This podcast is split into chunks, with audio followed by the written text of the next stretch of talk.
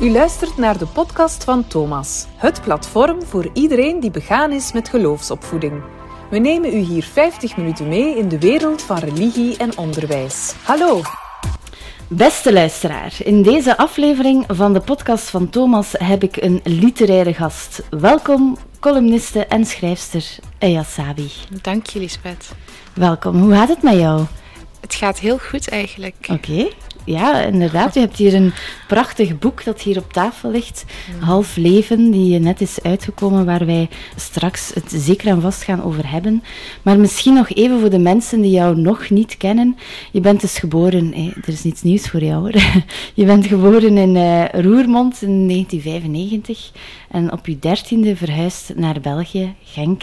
En je studeerde biomedische wetenschappen in Maastricht. En dan sinds 2021 hier aan de KU Leuven studeer jij Arabistiek en Islamkunde. Je bent ook leerkracht, en dat is interessant voor onze luisteraars. Dus je hebt toch wel wat pedagogisch aanvoelen aan de academie in Genk, waar je de opleiding literaire creatie en ook poëzie geeft. Uh, en waar je samen met studenten, dat is wel interessant, nieuwe vormen van literatuur uh, ontdekt. We gaan het dus hebben over uw debuutroman Half Leven. En ik las Half Leven en kreeg een onweerstaanbare drang om jou uit te nodigen in de podcast. Want Half Leven werd een heel fijn en genuanceerd boek over een grootmoeder, moeder en kleindochter. En vooral hun intieme verhalen die niet aan elkaar uh, verteld worden. Als lezer kreeg ik een inkijk in die verhalen en migratie en de rol van vrouwen in de onafhankelijkheidsstrijd van Marokko. En verbeter mij als ik fout ben, maar ik vond het echt een, zwaar boek. Want de levens van de vrouwen raken eigenlijk met elkaar verstrengeld. En dat legt gigantisch veel pijn en ook het transgenerationeel trauma uh, bloot. Maar het verfijnde van jouw boek, en dat heb ik echt gewaardeerd en geapprecieerd, zit hem er ook in dat er enorm veel liefde wordt doorgegeven. En dat vond ik dan terug in het symbool van het doorgeven van schoonheidsgeheimen bijvoorbeeld en het maken van lekkere gerechten. En ja, naast de verhalen weet jij verdomd ook heel erg goed om jouw lezer op een zeer zintuigelijke manier honger te doen krijgen. Want in die gerechten, ze zeggen dat ook, de liefde van de man, maar ook de liefde van de vrouw gaat zeker en vast door de maag. En dat kwam dus ook eh, in dat boek naar voren. Mijn kennis over Marokkaanse gerechten was nog niet zo uitgebreid, maar die Bastilla met blijkbaar kip vooral, maar in jouw boek ook met vis. Ja, heb je dat al gemaakt? Ja, ja, ja. jammer dat je geen stukje mee hebt. Uh, maar dat wil ik inderdaad wel ooit eens proeven. Ik vond het uh, ja, gewoon de manier dat je daarover schreef was heel zintuigelijk en heel lekker. En nog een reden om je uit te nodigen was de lezing die je gaf in oktober 2021 aan de Radboud Universiteit in Nijmegen. En dat ging over bidden. En deze lezing is volledig terug te vinden ook uh, op YouTube. Ik ga deze in de show notes zetten, zodat de leerkrachten deze kunnen bekijken. Want ik vind dat je daar op een prachtige en heel toegankelijke manier inkijk geeft in bidden en de islam. En dat triggerde me om met jou te praten. Maar eerst en vooral, uw boek ligt hier te blinken, proficiat met het resultaat. Maar ben je zelf een lezer? Ja. Wat een introductie, Lisbeth. Ja. Dankjewel. Ja, ik zei het, hè, ik ben een beetje starstruck. Ik heb uw boek heel erg graag gelezen. Dat is lief, dankjewel. Of ik tevreden ben met het resultaat? Uh, tot nu toe nog wel. Ik heb gisteren moeten voorlezen, ja. een kwartier lang. En ik heb een kwartier lang materiaal kunnen vinden in het boek, waar ik, uh, niet, uh, waar ik me niet voor schaamde of teleurgesteld over was. Ja. Dus um, ik het was ook toen ik de drukproeven nalas en dacht van, oh, ik moet hier niet van cringen, ik word hier niet ongemakkelijk van, uh, dat ik dacht van, oké, okay, dit kan ik wel publiceren. Ja, ja, en ben je zelf een lezer? Ja, ik uh, lees heel graag. Ik heb ook altijd gelezen toen ik kind was. Um, en nu nog, het is wel een training, merk ik, ja. het lezen en uh, de concentratie. Ja. Maar uiteindelijk um, geeft het wel zoveel rust in mijn hoofd en opent het ook nieuwe werelden voor me. Mm -hmm. Dus uh, altijd fijn. En welk boek heb je als jongere gelezen die toch wel belangrijk voor jou was? Want je zegt ook ergens dat je leren lezen hebt in Nederland en leren schrijven in België. Uh, als jongere weet ik nog dat ik een uh, boekbespreking heb gemaakt van Bezonken Rood van Jeroen ah, Brouwers. Ja. En ik weet dat dat me zo hard geraakt heeft, dat boek. Dat dat ook een heel zwaar en pijnlijk boek was. Maar tegelijk zo mooi, prachtig geschreven. Um, en altijd wanneer ik zo'n boek lees, um, niet dat ik mezelf vergelijk met Brouwers, maar altijd wanneer ik zo'n goede boeken lees, dan blijf ik altijd met een gevoel van voldoening achter. Mhm. Hoeveel pijn het ook doet, of wat de thema's ook waren. En dat is iets wat ik heel graag aan mijn lezer wou, wou doorgeven. Het gevoel dat we mens zijn en dat we geraakt kunnen worden. Ja, en dat is zeker toch bij mij uh, gelukt met jouw boek. Zouden de leerlingen van die nu vandaag de dag in het middelbaar zitten uh, iets hebben aan jouw boek, denk je? Waarom lijkt jouw boek relevant voor jongeren vandaag? Het is heel moeilijk natuurlijk om te gaan beslissen of mijn boek relevant is. Want je zit er ook middenin en je hebt daar geen objectieve kijk op. Maar de reacties die ik tot nu toe gekregen heb, uh, waren ook van heel jonge mensen die zich, uh, die zich herkenden in het boek vooral. En het boek opent met een quote van Toni Morrison: van als er een boek is dat je graag wil lezen, maar het is er nog niet, dan zou je het zelf moeten schrijven. Um, en dat is, een, dat is niet mijn stelling, maar het is meer een uitdaging naar mijn lezer toe om te bevestigen of te ontkennen eh, of het waar is of dat klopt dat dit boek um, een, een nieuw verhaal brengt. Ja. ja, ik vind het behoorlijk vernieuwend, jouw boek. Mm. Hoe, wat denk je dat ik er vernieuwend aan vind? Want het lijkt me wel een beetje op een examen. Hè? Ik denk dat het boek qua compositie vooral uh, anders is, omdat het uh, drie verschillende stijlen en drie verschillende um, registers ook bij elkaar brengt. Ja. En er zijn mensen die dat echt verschrikkelijk vinden en andere mensen vinden het uh, leuk, maar in ieder geval is het wel een experiment. Mm -hmm. um, om jongeren ook misschien door middel van één boek al met drie verschillende uh, registers in aanraking te laten komen. Ja, dat is een uh, zeer interessante insteek dat je daar geeft. Maar zou je een fragment uit het boek kunnen halen dat zou kunnen passen in het godsdienstonderwijs? Ja, ik, uh, er is één fragment dat ook vaker terugkomt, dat mensen ook vaker delen op uh, sociale media. Um, en dat is een fragment over waarom God de liefde geschapen heeft. Ik probeer elke nacht aan je stem te denken. Ik zie voor me hoe je vingers stoffen onder de naald van de naaimachine schuiven, met precisie en geduld. Iemand die zoveel liefde heeft voor de levenloze dingen, kan zeker het dubbele opbrengen voor een mens, voor een vrouw. Je hebt me vaak gevraagd wat ik in je zie, en ik weet niet of het een manier is om naar complimenten te vissen, of dat je echt niet ziet wat ik zie. Dat begrijp ik wel. Ik zie ook niet in mezelf wat jij in mij ziet. Misschien heeft God daarom de liefde geschapen, zodat we onszelf zien in een ander licht. Supermooi. Heel mooi. Misschien heeft God daarom de liefde geschapen, zodat we onszelf zien in een ander licht. Heeft dat volgens jou iets te maken met een godsbeeld? Ja, met het godsbeeld van mijn personage. Mm mijn eigen godsbeeld uh, dwingt mij om het misschien anders te formuleren. Omdat ik geloof dat God de liefde is mhm. eh, en niet uh, per se de liefde geschapen heeft. En dat die liefde in elk van ons huist. En dat we met het liefhebben van een ander ook onszelf liefhebben. Mm um, en dat dat ook de, de oefening is die we doen als we in leven zijn. En dat is voor mij het geloven, dat is um, God zien door naar jezelf te kijken, maar ook door naar andere mensen te kijken en andere dingen die geschapen zijn door God. Dus ik ben het zelf niet eens met de zin. Ja, uh, het kan wel een discussie openen in de klas. Ja. ja. Er zijn drie verschillende godsbeelden in het uh, boek terug te vinden. Hoe heb je die ontwikkeld? Is dat, uh, ja, het, komt, het is een creatief proces, maar mm. heb je daar uh, duidelijk op voorhand gezegd van oké, vat na dit, uh, de dochter en de kleindochter, heb je daar een vorm van profiel eerst geschreven om te beginnen aan een boek? Um, het godsbeeld hangt heel erg samen aan wie die personages natuurlijk zijn en hoe ze naar de wereld kijken. Um, ik heb ook gekeken naar de, de evolutie in de ontwikkeling van het godsbeeld bij mensen die vanuit uh, Marokko naar, naar hier geëmigreerd zijn. En daarin zie je wel een tendens van verstrenging in de godsdienst of een meer letterlijke lezing van de teksten.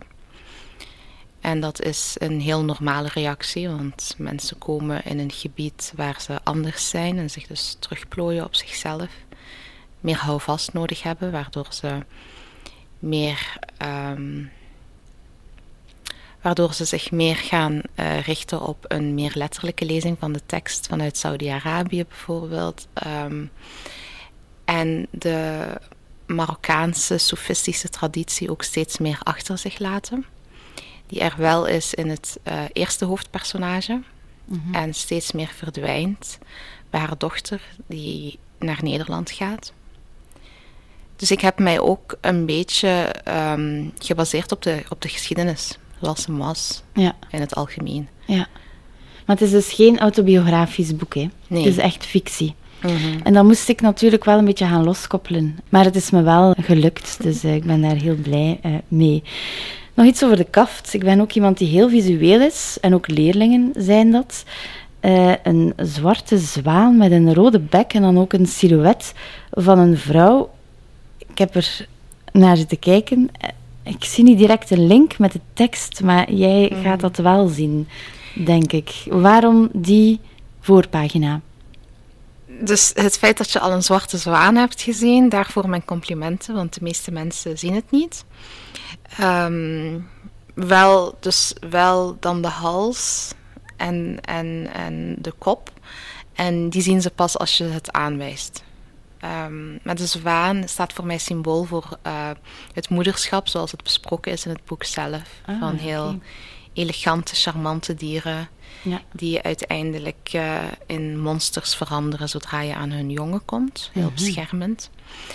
Uh, en aan de andere kant is de zwaan, komt hij ook terug in het boek. En dat is de enige scène waarin alle drie de generaties echt fysiek samen zijn. Ja. Um, en moeten lachen om een, om een zwaan, om een anekdote over een zwaan.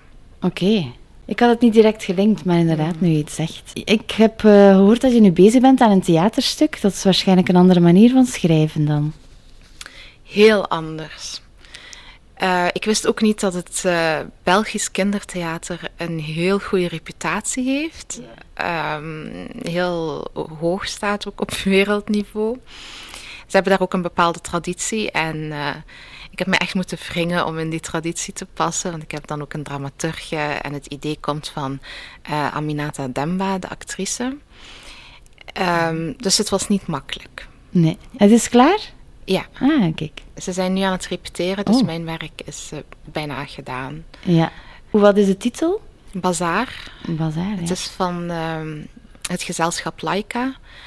En uh, ze gaan uh, volgend jaar in première en het is een schoolvoorstelling. Ah, oké. Ja. Dus, en het is voor kinderen of ook voor middelbare schoolstudenten? Nee, het is voor kinderen, maar het is op zo'n manier geschreven dat iedereen er wel naar kan kijken. Ja. Oké, ik ben wel heel erg benieuwd. Nu, terug naar het middelbaar. Wat, wat vind je van de boeken die je in het middelbaar moest lezen? Want misschien even schetsen. Dus je hebt uh, je lagere school doorgebracht in Nederland. Mhm. Daar heb je school gelopen. Op je dertiende bent u dan verhuisd naar Genk. Uh, daar middelbare school. Welke school uh, zat je? Ik zat op een katholieke school in Genk, het Sint-Jozef Instituut Bokrijk. Ah ja, ja, ja. Oké. En je hebt daar waarschijnlijk ook boeken moeten lezen in de les Nederlands. Ja. Ja. Mocht jij een kanon mogen opstellen die gelezen wordt in het Vlaamse middelbare onderwijs, welke werken volgens jou mogen niet ontbreken? Goh. Um, Brouwer staat er al op. Natuurlijk, natuurlijk. Um, ik zou eerder denken aan schrijvers die niet mogen ontbreken. Ja. En dan denk ik echt aan de, aan de klassiekers, mhm. zoals uh, Connie Palme, Jeroen Brouwers, Tom Lanois. Ehm, als ik dan denk aan de jongere, hedendaagse schrijvers, uh, dan denk ik aan uh, Lucas Reineveld natuurlijk, ja. Lise Spits, Charlotte van den Broek. Ehm, maar ook uh, Isohi Weiden. Um, ja. En ik ben heel slecht met namen, dus ik vind het heel moeilijk om nu op een aantal namen te komen, maar de lijst is lang. Ja, ja. Zijn er schrijvers die, waar je eigenlijk echt naar opkijkt uit het Vlaamse literatuurlandschap en die graag eens zou ontmoeten? Ja, dat is dus onlangs gebeurd. Ik ben een grote fan van Tom Lanois. Ja. En ik heb ik ben hem beginnen lezen sinds ik 14 jaar, 13 jaar was. En um, sindsdien heb ik al zijn boeken verzameld en gelezen en opnieuw gelezen.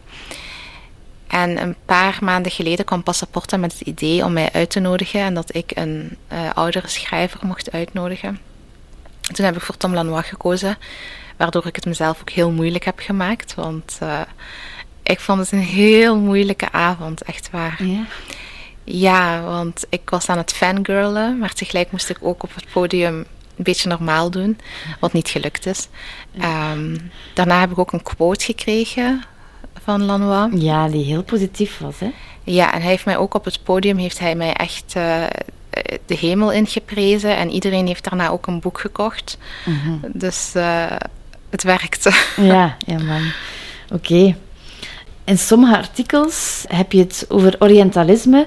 En heb jij dit gemerkt in jouw loopbaan in dat Vlaamse onderwijssysteem? Het is een beetje een uh, zware vraag natuurlijk, maar heeft het Orientalisme een weerslag op jou en jouw persoonsvorming gehad? Ik heb een heel grappig verhaal. Is dat ook goed om dat te dat vertellen? mag, wij kunnen wel wel lachen.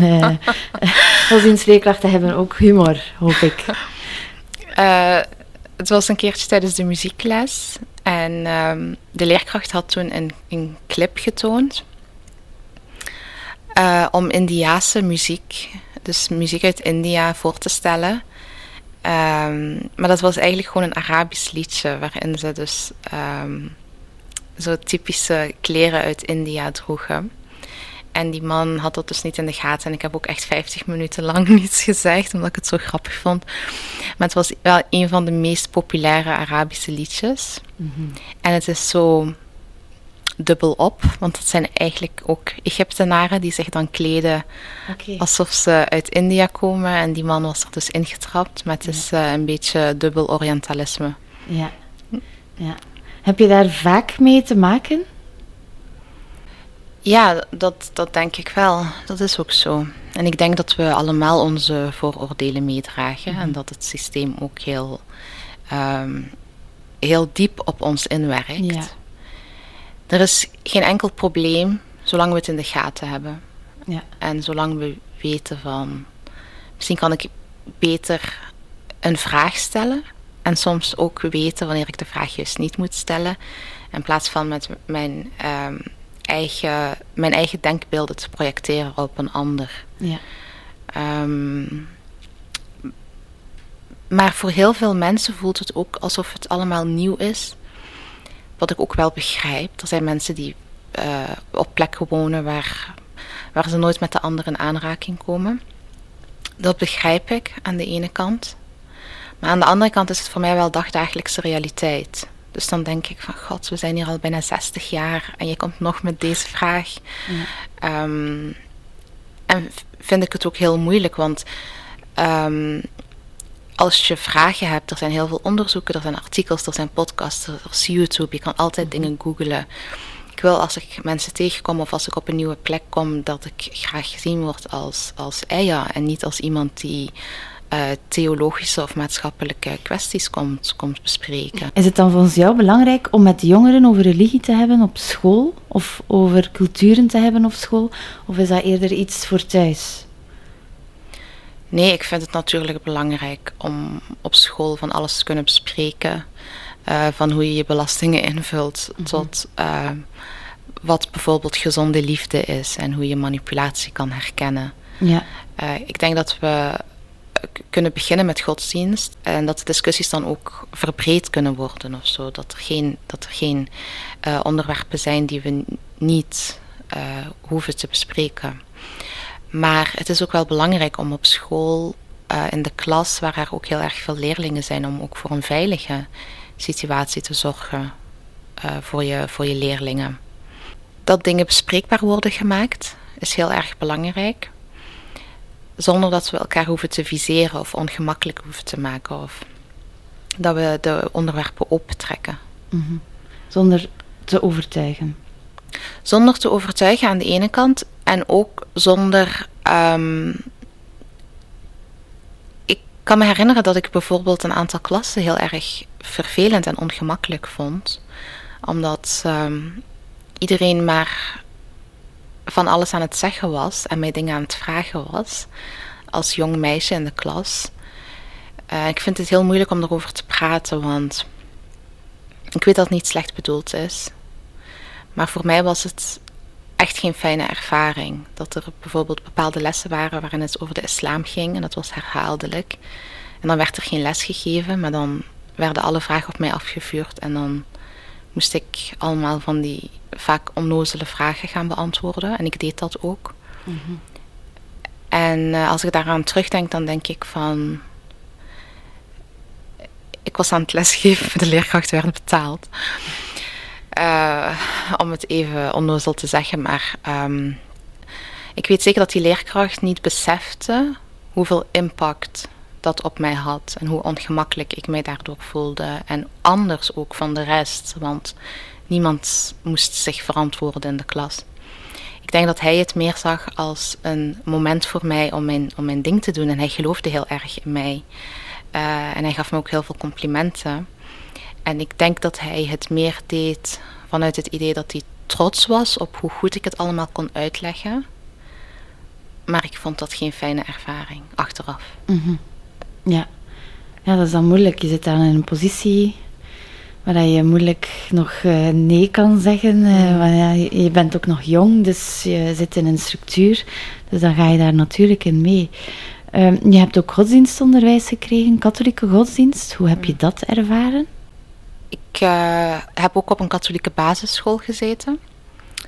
En daar begon de les soms wel met een gebed. Je hoefde niet per se mee te doen. Um, ik heb dat nooit ervaren als iets vreemd of raar. Ik ben ook zo iemand als ik door, een, door de stad wandel en ik hoor de kerkklokken. Ik vind dat, um, ik vind dat prachtig. Terwijl andere mensen zeggen van oh, al dat lawaai. En ik denk van nee, dat, is, dat hoort deze stad. Dat is, dat is mooi. Dat is een moment van bezinning. Um, dat geluid trekt je ook terug in de realiteit en in de werkelijkheid. Dus ik ben iemand met heel veel fascinatie voor, voor alles wat met um, spiritualiteit te maken heeft, niet enkel religie. En um, ik denk dat het ook allemaal verschillende manieren zijn om tot hetzelfde te komen. -hmm. Jouw lezing aan de Radboud Universiteit over bidden. Uh, ging dit over jou? Want je bent daar heel algemeen mm -hmm. over bidden, de islam. Ja. Uh, zoveel uh, moslims, zoveel verschillende vormen van islam. Maar gaat dat over jou? Namelijk een vorm van aanbidding is zorg voor de wereld, namelijk de, de veldslag der verlangens, verwijzend naar de grote jihad. Gaat dat over jou? Want je was daar zeer, zeer academisch aan het werk.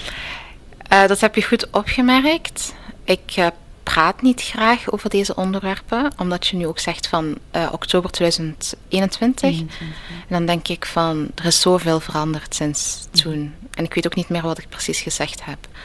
Omdat ik geloof dat we op een, op een reis zijn en dat we elk moment veranderen en denken dichter tot de essentie te komen, om er dan weer heel ver van af te staan. En dat dat een, um, een, een menselijke worsteling is, of een mens, de, de meest menselijke route die je kan nemen. En in de islam gaat het ook over uh, sirat al-mustaqim, en dat betekent de, de rechte weg of de weg voor de rechtschapen mensen. En um, zo, iemand zei het me ooit. En, en dat is dan ook weer een, een moment dat je denkt van, ah, ik, ik voel het weer, ik heb weer iets. Dat die rechte weg, dat dat niet per se een eenlijnige weg is of één route, maar dat dat betekent dat je steeds weer dwaalt en terugkomt naar een bepaald punt. En dan mhm. opnieuw een andere weg neemt. En dan, dus het is eigenlijk de route waar je steeds naar terugkomt. Ehm, en het is daarom een heel lange uitleg om te zeggen dat ik dit toch wel als heel veranderlijk en privé voel. En daarom er ook zo weinig mogelijk over praat. Ja, ja. ja ik voelde dat wel uh, tijdens die lezing. Het was een mooi overzicht. Ik denk dat het zeker en vast bruikbaar is binnen het godsdienstonderwijs. Uh, om inderdaad weer uh, een dialoog te gaan creëren. Woedt er in jou een vreedzame revolutie? Want dat voel ik gelijk ook in jouw boek. Er, er borrelt iets in jou. En ja, natuurlijk, het gaat over drievers en het is niet autobiografisch. En, maar door jouw schrijfstijl voel ik een... Ik, ik heb hier een heel revolutionair figuur voor mij zitten. Is dat waar? Vergis ik mij? Um, een revolutionair figuur, amai. Een, een vreedzaam revolutionair. Mhm. Ik voel wel wat, uh, ja, je, je, kan het op verschillende manieren zeggen, wat girl power, maar het gaat verder dan.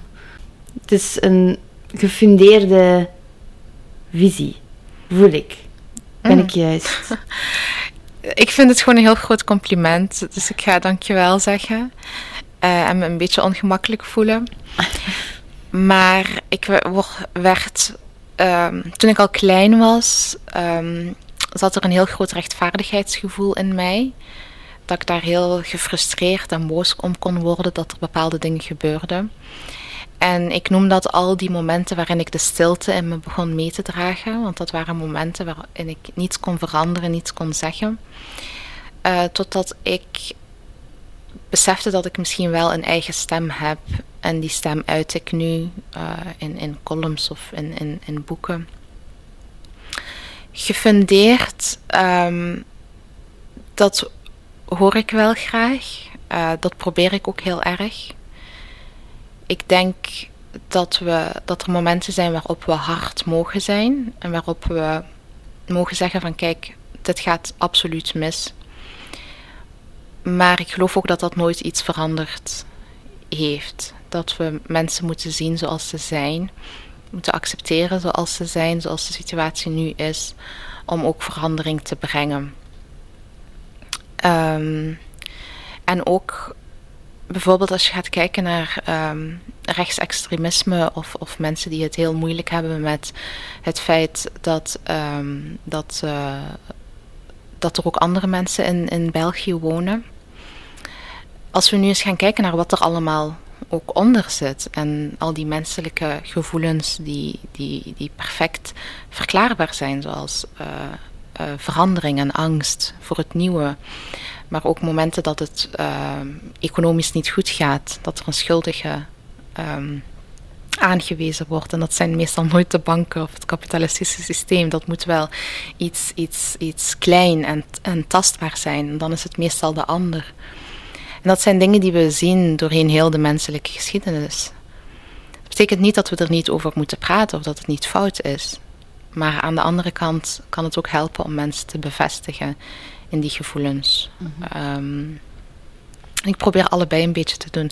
Als je kijkt naar mijn columns, um, dan. Uh, ja, die zijn wel maatschappij kritisch. Daar maak je waarschijnlijk ook mensen mee kwaad. Misschien, maar kwaadheid kan een goede emotie zijn. Het is niet mijn bedoeling om uh, iedereen schouderklopjes te geven, inclusief mezelf. Maar ik probeer wel genuanceerd te zijn. Um, ik heb bijvoorbeeld ooit een column geschreven over een, een mevrouw in Hamond-Achel. Die kwam luisteren naar mij en zij was te laat. Uh, dus zij kwam even haar excuses aanbieden, want het was een zondag en ze kwam net terug van de kerk. En ze hadden een nieuwe pastoor, dus dat moest ook gevierd worden. Maar dat was dus iemand van Congo. Um, en dan heeft ze eigenlijk mij toevertrouwd dat ze dat heel moeilijk vond. ehm, dat dat allemaal nieuw voor haar was, maar dat ze blij was dat haar kleinkinderen er al van jongs af aan mee om konden gaan uh, en daar gewoon aan, aan, aan werden. En ik vond dat een heel eerlijk, kwetsbaar, fijn moment van iemand die een angst met mij deelt. Ehm, dat zijn ook columns die ik schrijf. Ja, ik voel ook in jouw boek een vorm van um, feminisme. Welke vrouw inspireert u? Naar wie kijk jij op? Nu, uh, voor het boek zelf heb ik heel veel research moeten doen naar de onafhankelijkheidsstrijd in Marokko en welke vrouwen daarin een rol hebben gespeeld. Kwam ik uit bij uh, vrouwen als uh, Fatima Mernissi, een Marokkaanse sociologe, die ook in het boek vermeld wordt. Uh, zij heeft een aantal vrouwen geïnterviewd die belangrijk waren in die strijd en zij heeft daar dan een antropologisch boek van gemaakt. Um, dat was een belangrijke vrouw, omdat zij ook met dat Orientalisme bezig is. En zij heeft ook in het Westen lesgegeven en ook um, hier volgens mij gedoctoreerd, als ik me niet vergis. Waardoor zij um, de twee narratieven in zich heeft. En waardoor zij Waardoor ik, wat ik heel interessant vond, was dat zij in 1940 geboren was en in Marokko opgegroeid is. Maar dat zij nog altijd dat Westen in zich draagt en daar ook reactionair mee omgaat. um, en dan dacht ik van, ik ben het niet alleen die het gevoel heeft dat ze terug moet praten. Want zelfs iemand die in Marokko is geboren en, op, en opgegroeid, um, heeft nog altijd die orientalistische discussie met zichzelf. En daarom wou ik ook een boek schrijven dat niet reactionair was, maar dat vertrok vanuit de vrouwen zelf.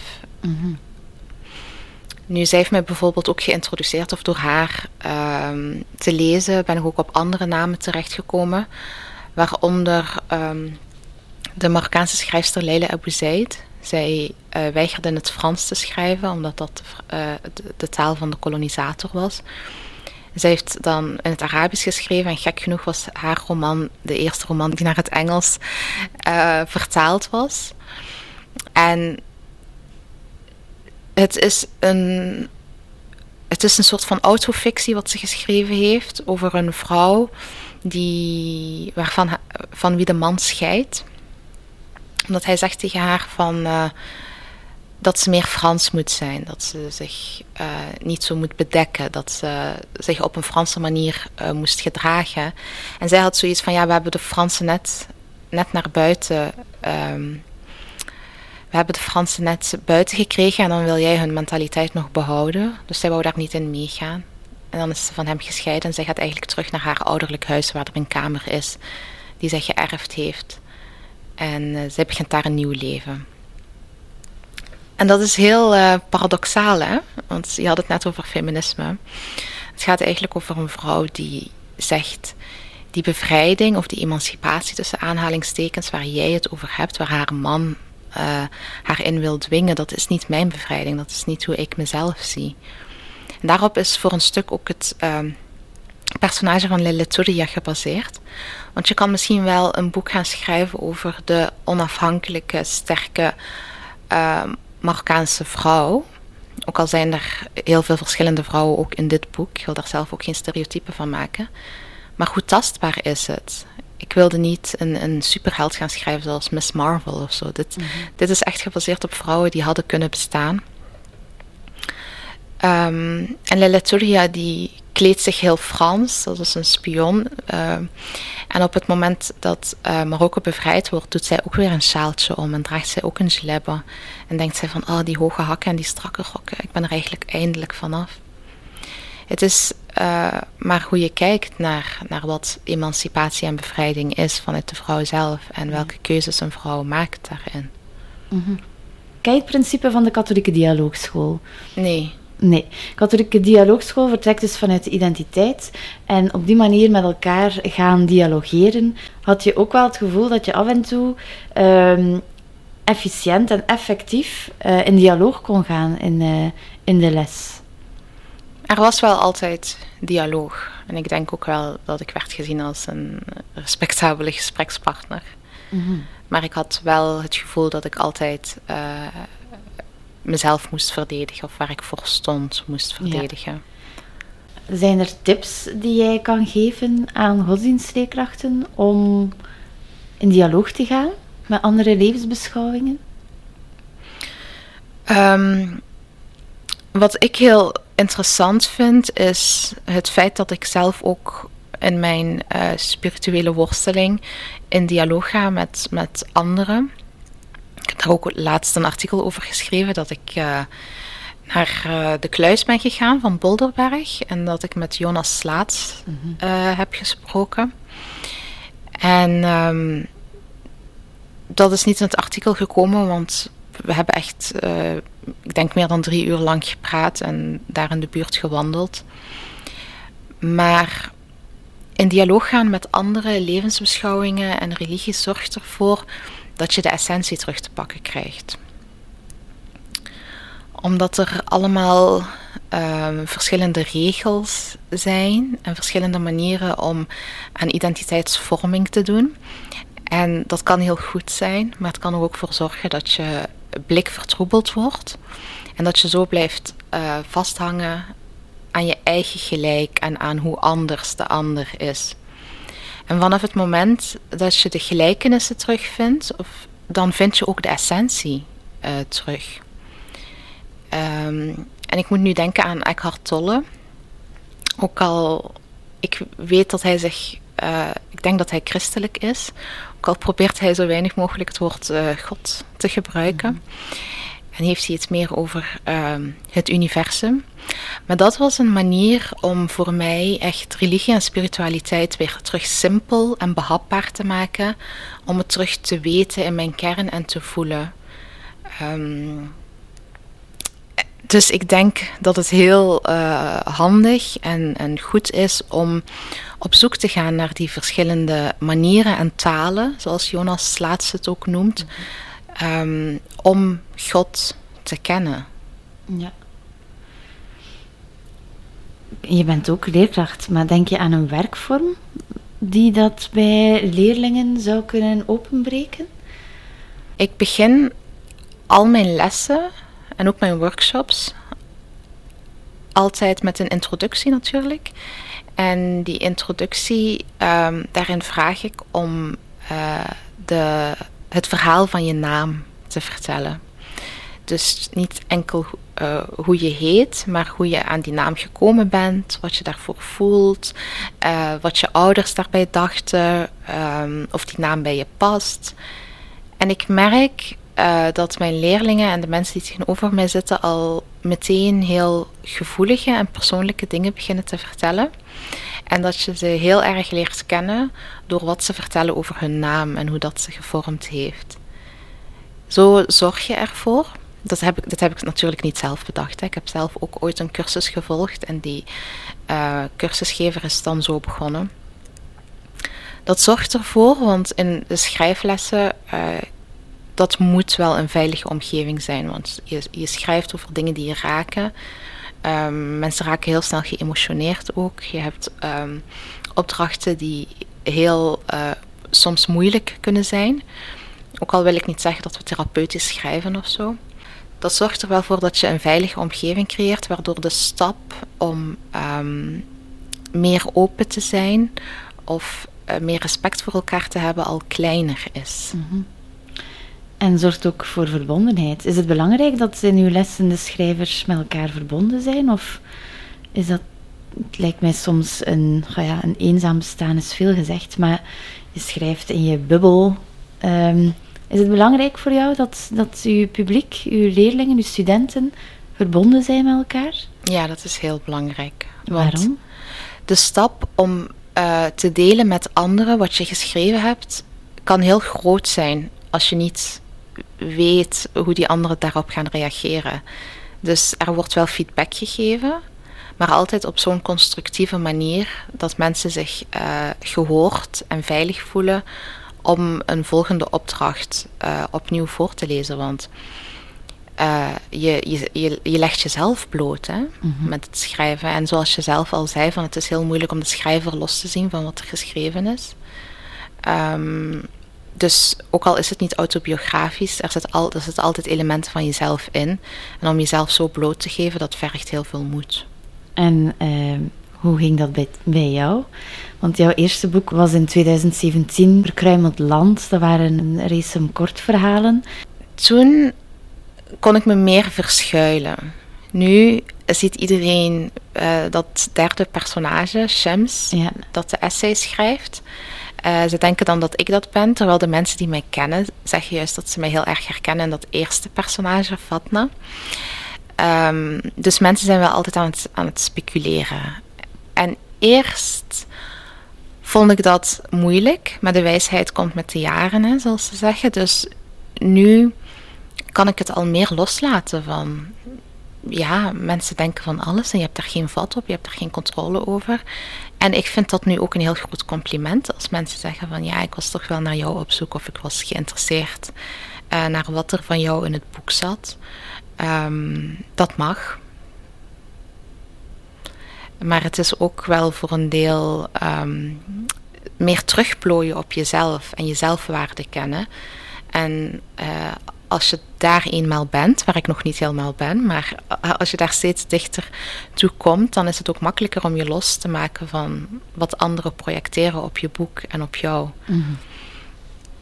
Maar het is wel een van de moeilijkste dingen bij het schrijven. Heb je ook negatieve commentaren gekregen op je boek? Uh, nee. Wel op Goodreads. Ja. Um, waar ik nu een, een gemiddelde heb van, van meer dan 4,1, denk ik. Dus het valt wel goed mee. Dat is alles de moeite om onder de kerstboom ook te leggen eigenlijk. Dat, uh, dat boek, uh, waarschijnlijk met menig godsdienstreekracht, zal het misschien deze podcast wat inspiratie geven als, uh, als cadeautje. Goed, ja, ik denk dat wij hier kunnen afronden. Het is 50 minuten en de uh, ja, leerkrachten die hebben een uh, concentratiespan hè, van 50 minuten. uh, ik ben nu zelf een beetje aan het uh, lachen en het relativeren.